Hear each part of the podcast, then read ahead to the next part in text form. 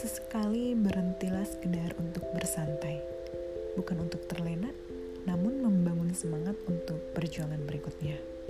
Tegas akan diri sendiri, buang pikiran negatif, dan lakukan yang terbaik. Kegelisahan hanya milik mereka yang putus asa. Jadilah yang terbaik dari yang terbaik.